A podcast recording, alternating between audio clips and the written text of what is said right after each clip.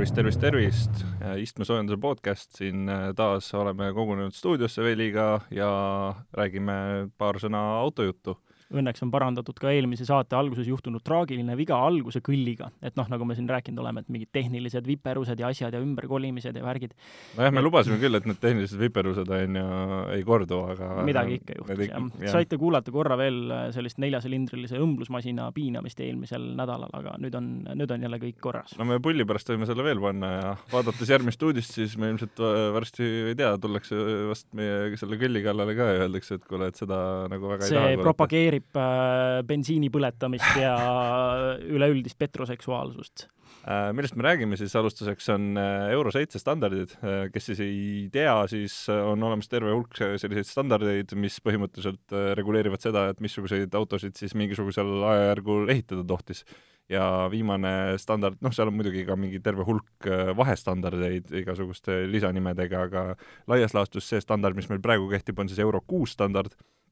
ja nüüd on äh, juttu juba sellest, et kuule,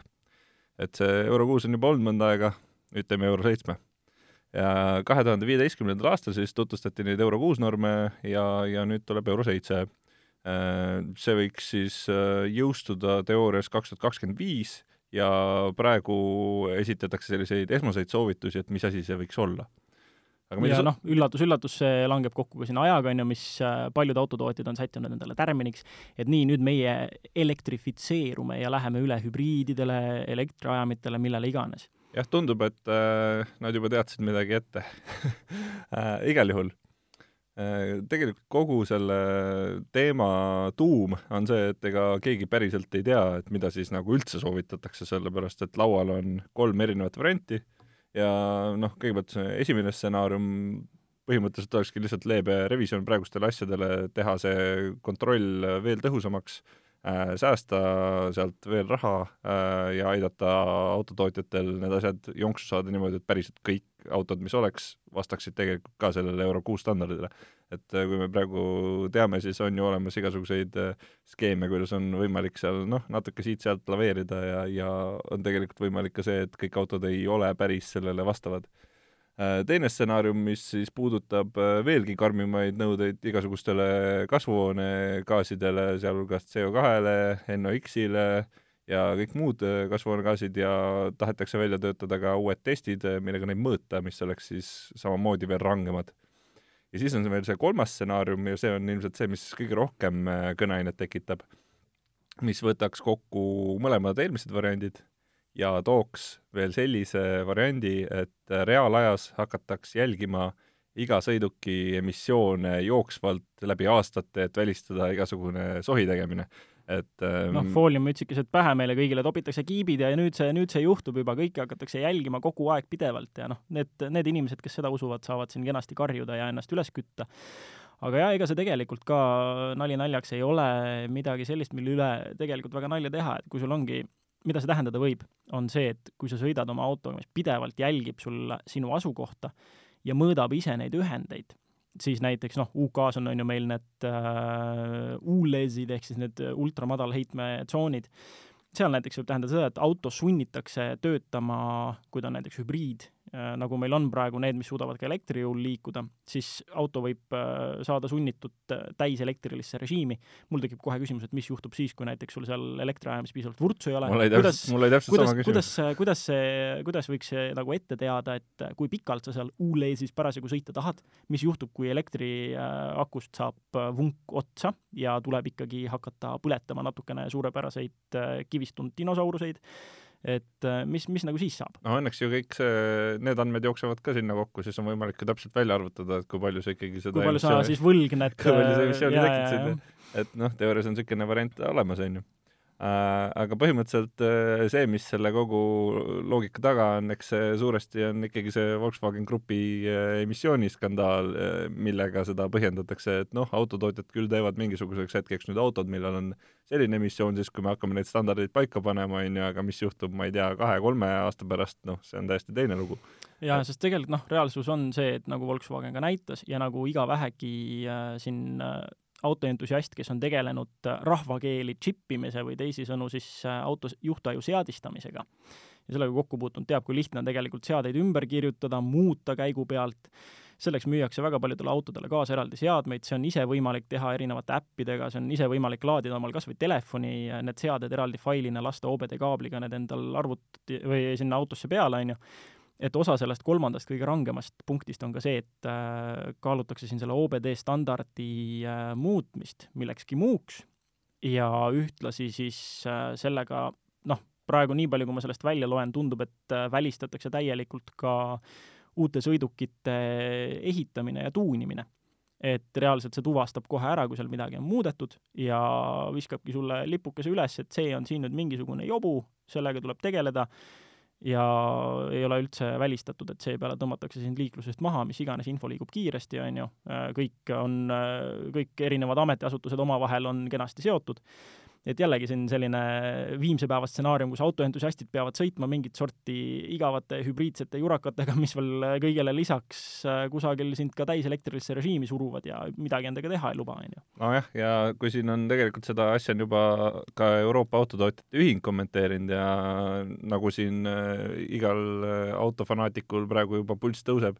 siis ega nendel on täpselt samamoodi ja nad ütlevad, et neid reegleid lihtsalt ei oleks võimalik täita tavaliste sisepõlemismootoritega ja ilmselt isegi mitte hübriididega. seega me pigem ikkagi vaatame selle poole, et kõik asjad tulevikus saavad olema täiselektrilised. et see on mm. nagu see, kogu see tuleviku stsenaarium selle kohaselt, kui nüüd see kolmas, kolmas variant peaks ellu minema aga noh, seda me muidugi praegu veel ei tea, et siin selle aasta jooksul saame päriselt teada, et kui karmiks need asjad lähevad ja, ja aga siis... samas noh, see näitab meile ära seda nende ametnike tulevikuvisiooni, et milline ideaalmaailm nende jaoks ikkagi olla võiks ja see noh, jah, ega ta väga nagu ilus pilt selles mõttes ei, ei paista selle koha pealt. nojah, aga tõenäoliselt me siin ikkagi niisugune kümme-viisteist aastat saame rahulikult veel sõita oma autodega, et et kellel on huvi, siis praegu on äh, veel veel on võimalik. et, et äh, see ikkagi, need äh, uued normid puudutavad ju uusi autosid, et ega tagantjärele vanu autosid nende peale ümber ehitada ei saa. noh, täpselt, aga just see on jälle see ULEZ-ide teema samamoodi, et äh, lihtsalt jõuga surutakse maksma neid, kellel on vanad autod ja tulemiks on lõpuks ikkagi see, et ilge kuhi, täiesti korralikke, aga ametnike arvates äh, mittekõlbulikke autosid jääb seisma, kas see on siis keskkonnasääst? jah, kui me siin juba elektriautodest natuke rääkisime, siis äh, Volkswagen Trinity, mida me oleme siin äh, mõned saated tagasi juba maininud, aga toona oli see reaalselt niisugune pealispinna puudutus, et me vaevu saime teada, millega on tegu, lihtsalt teadsime, Volkswagenil on tulemas mingisugune uus projekt, mis tuleb mingisugusel müstilisel ajal siis mis on ikka kõige kõigem ja saab olema tehnoloogia viimane sõna, keegi ei tea, milles, aga kindlasti saab ja kõik need ägedad äh, kõmusõnad ja väljendid jälle kord. jah, aga nüüd on siin äh, mingisugused juba konkreetsemad asjad ka väljas ja see puudutab ka just seda eelmist uudist, et Volkswagenil on nüüd kindlasti väga hea tuju, et äh, on, on need investeeringud tehtud ja on siin äh, umbes täpselt samaks aastaks, kaks tuhat kakskümmend kuus peaks auto välja tulema ja see lubadus, mis on tehtud, on see, et äh, see auto hakkab äh, elektrit sisse võtma siis sama kiiresti, kui peaks kestma tankimine, mis on ju noh, see on, see on see lubadus, mida on tegelikult siin nii mõnigi elektriauto tootja mitu korda juba välja käinud. jaa, eriti need, kes räägivad siin tahkisakudest, on ju. et, et jah, see teema on meil äh, hõljunud siin ringi ikka väga pikka aega ja, ja see on see, mida ka ilmselt niisugune keskmine autotarbija tahab, et ja, ja see on see küsimus, mida ma ise, millega ma ise olen väga palju kokku puutunud, et kui ma räägin mõne inimesega ja kes saab näiteks teada, et ma olen proovisõidul mingisuguse elektriautoga sõitnud, okei okay,, aga nagu kaua selle laadimine aega võtab siis, et see on nagu see põhiküsimus, mis inimestel mm -hmm. ilmselt tekib, on ju et selles mõttes äh, teoorias äh, lähenetakse probleemile väga õigelt poolt. jah, noh, kes tahab äh, lugeda siin esmakasutaja kokkupuutest elektriautoga, siis siin vist äkki nädalake tagasi sai meil Acceleristas ka avaldatud siin Tampere autofanaatikute pereliikme Ave kokkupuude Nissan Leafiga esmakordne, et tal olid ka täpselt needsamad mured, et sõiduulatus, kas talvel peab sõitma siin mingisuguse suur paksu jopega ja kaua laadimine võtab ja kas see jätab tee peale ja nii edasi, hästi palju selliseid esimesi küsimusi küsimus, et said seal vastuse, et võib täitsa üles otsida ja lugeda. aga jah, selles mõttes, nagu sa ütlesid, Volkswagen läheneb probleemile selles mõttes õigest otsast, et äh, mis meie oleme ka mitmeid kordi siin ju välja öelnud, et näiteks noh, mis on kitsaskohad elektriautodel. esimene asi ongi, on ju, sõidu ulatus, teine on see laadimise kiirus ja kolmas minu jaoks on olnud ka raskus ja tegelikult no sinu jaoks on need... iga auto puhul raskus on suur probleem. noh, kui juba kerget autot, kerget ja vilgast autot kord oled proovida saanud, on ju, siis ega enam rasket no, ma usun, et me jõuame selle raskuse juurde veel saate hilisemates osades ka täna. jah, aga, aga mõte selles, et Volkswagen läheneb ka sellele raskuse probleemile, et ta võtab äh, järjest kõik asjad ette, et laadimiskiirust lubab kiiret nagu tankimine, kasutusmugavus, väga hea, on ju sõiduulatust just selle kerguse arvelt ka kindlasti lubab kasvatada, et, et aku mahtuvust nad ju ei vähenda, aga kusagilt kaudu plaanivad nad vähendada siis sõiduki massi võrreldes siin nende teiste senimaani suhteliselt paksude elektriautodega. jällegi ei ole toodud välja mingeid arvulisi näitajaid, mingeid protsente, mitte midagi säärast, mingit uut tehnoloogiat ei ole veel mainitud, aga jällegi see lubadus on välja käidud jah, ja kõvad isejuhtimistehnoloogiad pidid ka seal peal olema, nii et seda me vist eelmine kord ka juba mainisime et äh, tulevane Tesla killer. nojah, seda saab näha, et nad lubavad siin, et äh, raudvaraline ja siis tarkvaraline valmidus saab olema neljanda taseme autonoomsuseks. paraku on see muidugi asi, mida ei noh, mida siis äh, seaduse mõttes ei ole kusagile teedele veel lubatud, aga noh äh,, ideaal selleks on jällegi see, et Äh, siis kuidas seda nimetada, selline monitooritud teedevõrgustik äh,, igatepidi kaardistatud, et siis äh, mingitel hetkedel võib juhtuda, et kusagil riigid hakkavad äh,, kui see kaardistamine toimub, siis äh,, siis saab äh, lubama, siis saab lubada ka seal siis neljanda taseme autonoomsusega autodele sõita ilma inimese sekkumiseta üldsegi mm. -hmm. aga praegu see on jällegi selline utoopia, selline unistus pigem, aga eks see, eks see tuleb ka kunagi, et need järjest tuleb masinaid, mis ütlevad, et vot neljandaks tasemeks me oleme nüüd valmis aga seda autot peame veel mõnda aega ootama, ilmselt nagu ka seda, mis äh, saab lõppude lõpuks sellest Porsche, Rimachi ja Bugatti saagast, et see on selline äh, jutuajamine, mis meil ka korra juba ja, on põgusalt läbi käinud. see on jälle selline vangerdus, mis, äh, mis ja jällegi noh, samamoodi Volkswagen AG on ju, ma korra veel hüppan Trinity juurde tagasi, üks asi veel, mis nad hullult selle autoga tahavad ajada, on see nii-öelda uuenduste ja noh, kogu see digitaalne ökosüsteem, et äh, sama asi, mida näiteks Volvo teeb siin oma üle õhu uuendustega, et äh, lubavadki, et äh, see auto ei ole enam tehasest väljudes nii-öelda oma parimas vormis, vaid et pärast tehasest väljumist seda saab veel igatepidi täiendada, iga kasutaja saab sellele lisada äh, uuenduste teel mingit sorti funktsionaalsust, et see auto on ka pärast tehasest lahkumist, noh, tema elu alles selles mõttes algab ka uuenduste ja täienemise mõttes ja noh, Porsche ja Rimac siin äh, tõenäoliselt oma koostöös äh, sihivad samamoodi äh, sinnapoole, kuhu ka Volkswagen AG kogu täiega. ja mõte siis nüüd on selles, et noh, mida me kunagi rääkinud oleme, et äh, alguses sosistati, et äh, Volkswagen AG annab siis Bugatti horvaatlaste Rimacile ja seevastu siis Porsche osalus selles äh, firmas tõuseb ja nüüd on tehtud hoopis, et Porsche investeeris äh, litaki seitsekümmend miljonit eurot hoopiski, tõstis oma osaluse kahekümne neljale protsendile.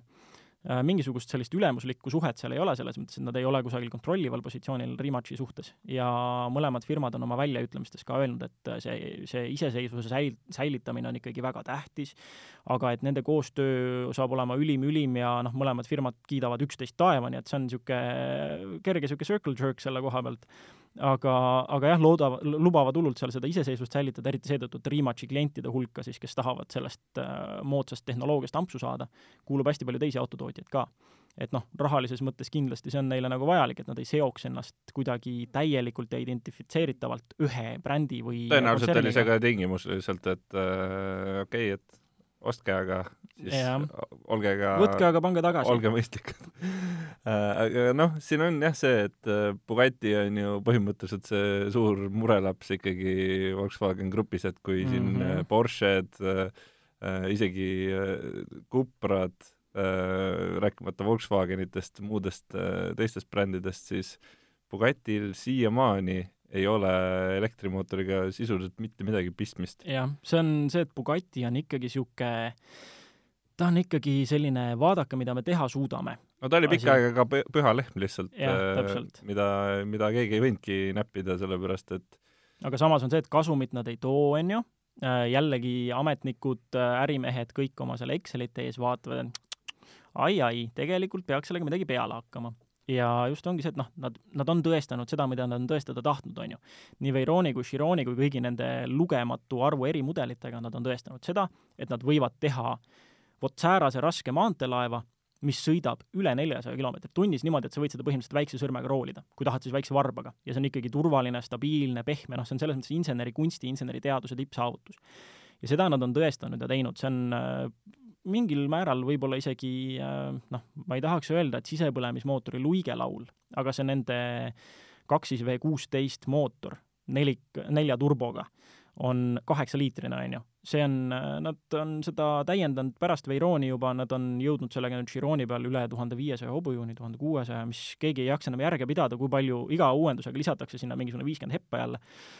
et noh, see mootor tegelikult on ka oma elukäigu lõpus, aga kust nad võtavad selle elektriajami, millega teha ikkagi selliseid äh, mitme megavatiseid masinaid, mis oleksid äh, võrreldavad siin nüüd äh, sellega, mida suutis see kaks siis V kuusteist siin erinevate masinate haiste vahel, on ju. kust nad selle tehnoloogia võtavad, kui tegelikult nad ei tooda kasumit ja kui tegelikult nad ongi selline show-off lihtsalt Volkswagen AG jaoks. jah, ja majasisene elektrijaamide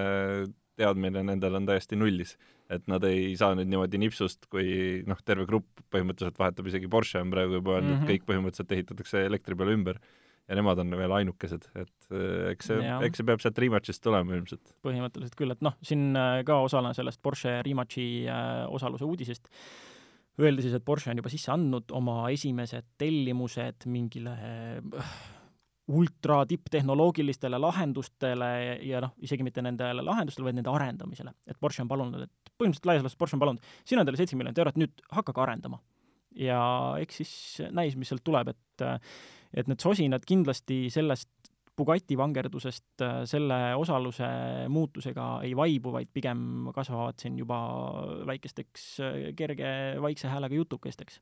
et põnev saab kindlasti olema aga nüüd räägime selle nädala proovisõiduautost ja see proovisõiduauto on hoopis britt meil. äh, britte ju mitte ülemäära tihti ei äh, jõua meieni ja sel korral oli selleks siis Jaguar äh, F-Pace. ja nagu ikka traditsiooniks saanud, alustuseks viskan mõned numbrid, mis on seekord hüper-hüper segased, sellepärast et sel autol on mustmiljon versiooni, esiteks alustades sellest, et on äh, varustuse klasse kokku kaheksa tükki, kui me SVR-i ka loeme, äh, on hübriidid, on pistikhübriidid, on diislid, on bensiinid äh, ja noh, kui, kui me vaatame ajami nimekirja, siis kõige madalamas otsas istub seal i4, sada kuuskümmend viis hobujõudu hübriiddiisel ja teises otsas on siis nagu viiesaja viiekümne hobujõuline V8 bensiinikas SVR-i peal mm, -hmm. et see, see skaala on väga-väga-väga suur. noh, kõiki maitseid, on ju, ja midagi igale maitsele et selles mõttes äh,, mida selle F-Base'i kohta öelda, noh, okei okay,, räägime veel, mingid numbrid kindlasti jäid sul veel ütlemata. no Hinnad, hinna, hinna, hinnanumbrit tahab ka igaüks teada. et noh, hinnanumbriga on võib-olla see, et see nüüd nii suures skaalas ei lähe selles mõttes, et need inimesed, kellele meeldiks osta sellist kolmekümne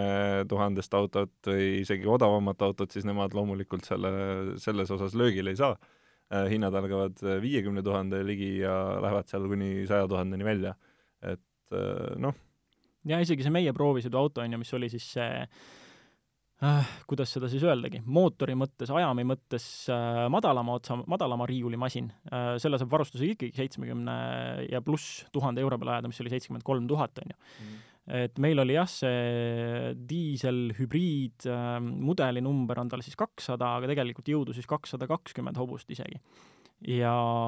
noh, mis ta selles mõttes, mis on selle auto põhilised asjad, mis silma hakkavad, esiteks on, on ju see disain, ma olen ise sarjanud linnamaastureid tihti sellepärast, et noh, disaini mõttes ikkagi nad on äh, üldjoontes sellised äh, mitte midagi ütlevast koledani. et äh, meeldinud disaini mõttes on siiani kõige rohkem äh, meile, on ju, Alfa Romeo Stelvio Quadrifoglio, ma ei tea, mul ei tulegi ette, kas sulle mõni linnamaastur on rohkem välimuselt meeldinud? ma ütleks, et äh, eriti selliste kõrgema klassi äh, linnamaasturite puhul tihti tehakse seda, et tahetakse nagu asja üle teha ja noh, tegelikult oli ka sellesama Quadrifoglio puhul ju seda, et seal oli mingisugune punane, punane nahk sisustuses ja mingid mm -hmm. muud niisugused vaata elemendid, et noh, Jaguari puhul oli natukene seesama asi, aga ma arvan, et äh, ta on päris hästi seal äh, Alfa Romeo kõrval äh, maitsekuse poolest, et noh, jah, võib-olla törts on see vint üle keeratud, aga see ei ole nii aga ta on nagu, ta on jah, ta on vaoshoitum selles mõttes. ikkagi jooned on ilusad, tal on see jõulisus, mida ta peaks, mida ta peaks nagu justkui esindama, ta mõjub kõrgelt, aga samas ta on ka noh, ta mõjub suhteliselt laevalt, et ta ikkagi kaalub nagu kaks tonni, on ju, ja siin oli seda eriti tunda siin nende proovisõidu ilmadega, et äh, olid küll, on ju, värsked lamellid all ja kõik, aga mina näiteks võtsin ta sellel jäävihmapäeval. et väga drastiline muutus oli siin oma autost hüpata, hüpata sinna ja samas ta on nagu sõiduelamuselt ikkagi, näiteks äh, noh, mul äh, kasupoeg ütles, et väga, väga meeldis, et pehme ja mugav ja talle sellised rasked, rasked ja mugavad masinad meeldivad et äh, tema kiitis küll taevani ja diisli vastu ei ole tal ka nagu midagi. et selle koha pealt tal on, tal on mingisugune selline ameerikalik võlu, ütleme. et ta sõidab ikkagi pehmelt, jah, ta sõidab raskelt, aga ta hoiab sind kogu aeg kuidagi nagu niimoodi sellises äh, luksuslikkuse mullis. et see, kuidagi see element selle auto iseloomus mulle täitsa,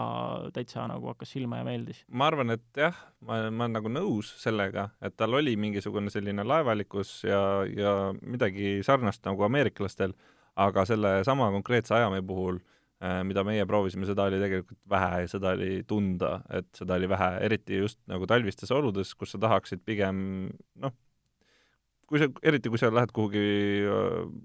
off-road'i või kuhugi, kus on lund, on ju, et sa ei sõida päris puhtaks aetud tee peal, siis kui sul on selline suur auto, sa tahaksid tegelikult, et sellel oleks natuke jõudu ka, et see oleks garanteeritud, et sa sellega kuhugi kinni jää, noh muidugi mingit niisugust garantiid mm -hmm üks-ühele ei ole olemas, aga kui sul on ikkagi ütleme, kahesaja hobuseline diisel, on ju, versus äh, viiesaja hobuseline bensiinikas, on ju, siis seal on nagu ikka kaks vahet sees selles, et kust ja kuidas sa läbi lähed. et äh, selles mõttes ma arvan, et need madalama speki autod võib-olla on selle raskuse jaoks natukene vähe aga mm -hmm. see muidugi oleneb ka sellest, kuidas sa sõidad, et kui sa oledki ja jällegi on see, et sa pead ju ometi autoostjana teadma, kus sa seda autot kõige rohkem kasutama hakkad ikkagi. et mm -hmm. need äh, madalama otsa ajamid ongi ilmselgelt suunitlusega linna äh,, hübriidid samamoodi, et äh, et see SVR ongi niisugune jälle üle võlli asi, on ju. no seal oli ka, seal on ka neljasaja hobujõuline mm -hmm. versioon täitsa olemas, on ju, et ja. SVR on muidugi nagu teine, teine, teine pool on ju täpselt, aga aga veel noh, mis selle dünaamiku kohta öelda, jah, selles mõttes äh, jälle üks neist masinatest, mis sul on diiselmootoriga ja sul on ikka seal mingi sportrežiim, on ju, ja mingid asjad, aga samas noh, nüüd ka rääkides just sellest jäävihmapäevast ja sellest äh, drastilisest muudatusest, mida ma oma autost ümber istudes tundsin äh,, oligi see, et äh, minnes siin nüüd äh, täiesti jäätunud kiilakaga tee peale ega ma alguses teda nagu väga ei usaldanud, eriti selle massi juures. seega noh, esinduse juures on seal kohe kenasti üks eraldatud tee, kus on äh, ruumi,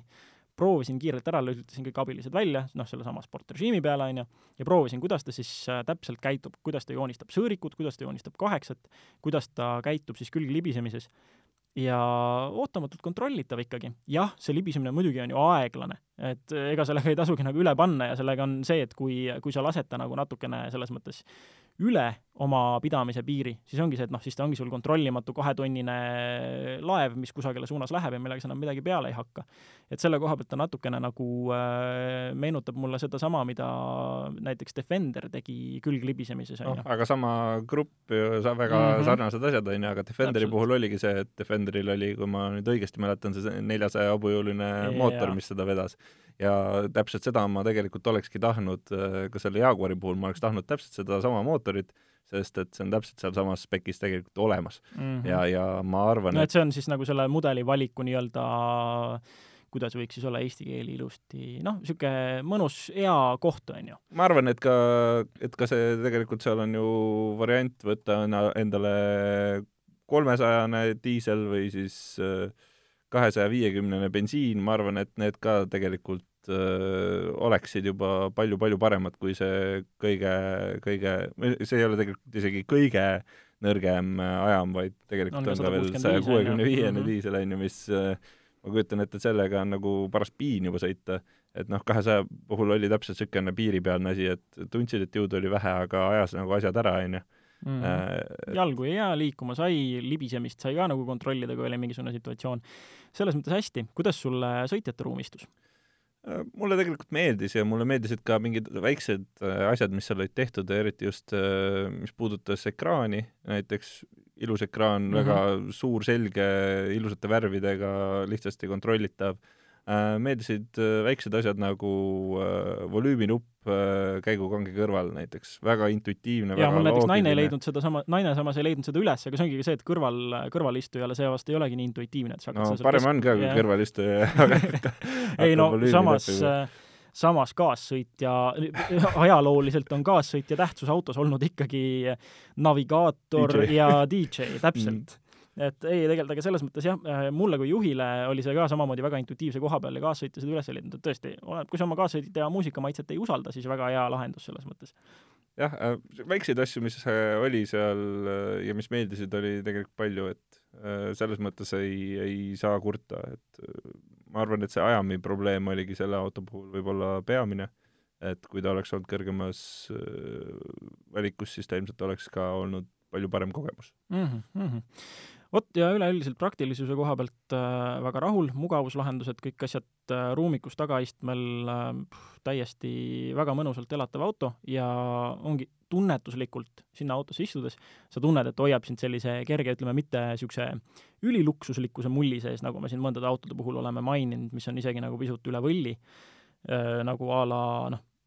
mis on juba täiesti mitu korda kallima hinnaga ka, on ju, nagu a la S-klass, millest me varsti mõne saate pärast räägime,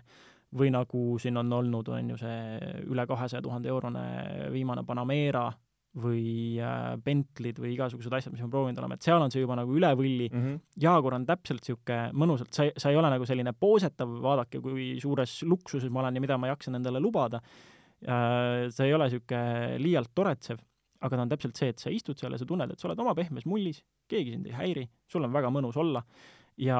selle, sellesama kakssada kaks, kahesaja kahekümne hobujulise ajamiga ka samamoodi, ta ei raputa sind läbi, ta ei sülita sind välja, selline rahulik, sujuv kulgemine, et, et selle koha pealt linnaautoks väga sobiv selle ajamiga, aga nõus selle kommentaariga, et et kui sa plaanid nagu kusagil rohkem väljas käia kaugemal linnast, siis tõenäoliselt tasub vaadata ka veidike kõrgema speki poole aga nüüd äh, selle nädala auto mõte, mis tegelikult äh, on niisugune no see on mitme nädala vanune mõte aga see sai nüüd äh, tänase ja mõne päeva taguse uue talve tulekuga ja lumesajuga jällegi aktuaalseks. ja ühtlasi see on seotud ka täpselt sellega, mis ma mainisin, selle oma autost sinna F-Base'i istumise kogemusega. et kui ma F-Base'ile järele läksin, oli siis see jäävihmapäev, sõitsin oma Subaruga, millel on äh, siin vist kolmanda, kolmanda hooaja naastud juba, mis on näinud siin igasuguseid tingimusi, jäärada, sõitnud ka asfaldi peal, ilmselgelt sellel naastul väga palju alles ei ole. ja noh, sõidan siis mööda Järvevana ja vaatan, ohoh, siin on päris korralik mats, mis on neli-viis autot omavahel koos, keegi on vastassuunavööndisse lennanud, politsei on väljas, kõik julgestavad, on ju. okei okay,, noh, kehvad lood. sõidan veel pisut edasi, siis seal äh, sinna Ülemiste viadukti alla jõudes vaatan, ohoh, mingi kaubik on ramminud mingi auto kusagil täiesti teelt välja. huvitav, mis nagu, mis, mis teema on, kas on mingi hullus peale tulnud? sõidan edasi mööda Tartu maanteed, jõuan siis sinna Peetri Selveri risti, kus ma pean ära keerama esinduse poole, vaatan, et need äh, foori all äh, ristuvatelt teedelt tulevad äh, autod mähivad esi, esiratastega puha tühja. mõtlen, mis noh, natuke vara veel suverehvid alla panna. ja siis võtan ja keeran ära ja tunnen ka ilge alajuhitavus äkki. et kuni sinnamaani oli ikkagi täiesti okei okay sõita ja siis kusagil kõrvaltee peal oli, oli lõpuks tunda seda, mis see jäävihm siis teinud oli, et kõik oli ikkagi meeletult libe, hästi hüplikud pidamistingimused et seal tee peal samamoodi ma võtsin tempo maha, vaatasin, et no okei okay,, ringtee tuleb, seal tuleb kindlasti ilgelt aeglaselt minna, on ju, sõitsin nii aeglaselt, ma tundsin imelikult ennast. ja ringtee peal pidamine täiesti tipp-topp, aga siis pärast ringteed mingi sirge peal äkitselt kaob lihtsalt jälle pidamine ära, et hästi hüplikud tingimused. ja kui mul juba STI-ga selline kogemus oli, et äh, sinna esindusse sisse keerates ka ma peaaegu pidurdasin ennast sellest õigest sissekeeramisest mööda ja ainult jõuga tirisin ennast sinna ilusti libistades välja, siis äh, sinna F-Base'i istudes oleme see, et kui ma juba Subarust välja astusin, oli raske püsti püsida ja F-Base oma kahe tonni ja nende lamellidega jälle samamoodi, noh, lihtsalt lähed, pidurdad, mitte midagi ei juhtu, et hästi ettevaatlikult tuli ümber käia ja arvestada kogu aeg sellega, mis sa teed. aga noh, et äh, laias laastus, mis öelda võib, on see, et äh, jõuame jälle sinna naast versus lamell diskussioonini, aga mm, ma arvan, et sa juba ootad, mis järelduse ma siin teeksin. aga ma samas tunnen, et selline üks kriitiline päev, kus tõesti sul on naastuga eelis lamelli ees, äh, siin linnatingimustes, ma ei hakka nüüd rääkima siin äh, maakohtadest, on ju. maakohtades ilmselgelt naast on ikkagi eestlase jaoks ja inimeste jaoks üleüldse õigel kohal ja omal kohal ja lamelliga seal ei pruugigi hakkama saada, kui teed ei ole pidevalt lahti lükatud ja sõidutingimused ei ole sellised äh, nagu linnas linnaauto puhul ma tunnen ikkagi, et see naast tegelikult ei õigusta ennast ära, isegi kui meil on siin päris selline, päris selline talv, mis nüüd üle mitme aasta on jälle tulnud, siis mul ikkagi enamus talve ma olen äh, krõbistanud äh, enam-vähem lahtise asfaldi peal, valus on sõita, kuulad seda krõbinat kogu aeg, mõtled, et kulutan jälle kallist rehvi, on ju. et tegelikult selle koha pealt see, ma tunnen isegi, et see üks, äh, üks jäävihmapäev ei õigusta naastu valimist terveks, terveks ülejäänud talveks võib-olla ära, et et, et sina siin meil ka pigem lamelli pooldajana, ma arvan, et ma ei tea, kas sul on rõõmus näha nagu äh, sellist, ütleme, meelelaadi muutust enda vastas äh,? Ma ei tea, mul on tegelikult suht suva sellest, mis rehvi, mis rehvi kes kasutab, et peaasi, et ise rahul on. aga mul on hoopis äh, teine järeldus kogu sellest päevast äh, kuna ma, mul oli too päev väga pikk tööpäev, ma kujutan ette, ma hakkasin kuskil mingisugune poole seitsme paiku enam-vähem liikuma kodu poole ja noh, terve päev oli ju sellest juttu olnud, nagu mingisugune hommikul kella kümnest mm -hmm. või mis kell kümme, üksteist hakkas see asi umbes pihta ja, ja päev otsa oli see jutt olnud, et oo, et kõik igal pool panevad pauku ja igal pool sotsiaalmeedias olid mingisugused äh, pildid, kus bussid olid umbes risttee peal ja mm -hmm. mida iganes, onju. mulle jäi ette isegi video, kuidas peaaegu seisev palgiveok lihtsalt vajus külili tee peal. ühesõnaga, äh, point oli see, et selleks ajaks, kui ma hakkasin koju minema, mis oli kell pool seitse, siis iga inimene, kellel äh, internet ja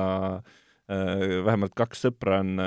teadsid sellest, et täna on sadanud jäävihma ja et autoga tuleks sõita nagu normaalselt ja seda arvestavalt aga mida ma nägin, oli see, et kõik sõitsid täpselt samamoodi, nagu nad oleks sõitnud igal teisel päeval. Ja ma kujutan ette, et see oli ka põhipõhjus sellel,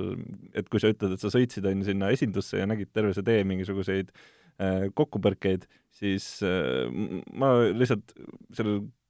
õhtusel äh, teel koju mõtlesin, et kas inimesed on nagu idioodid, et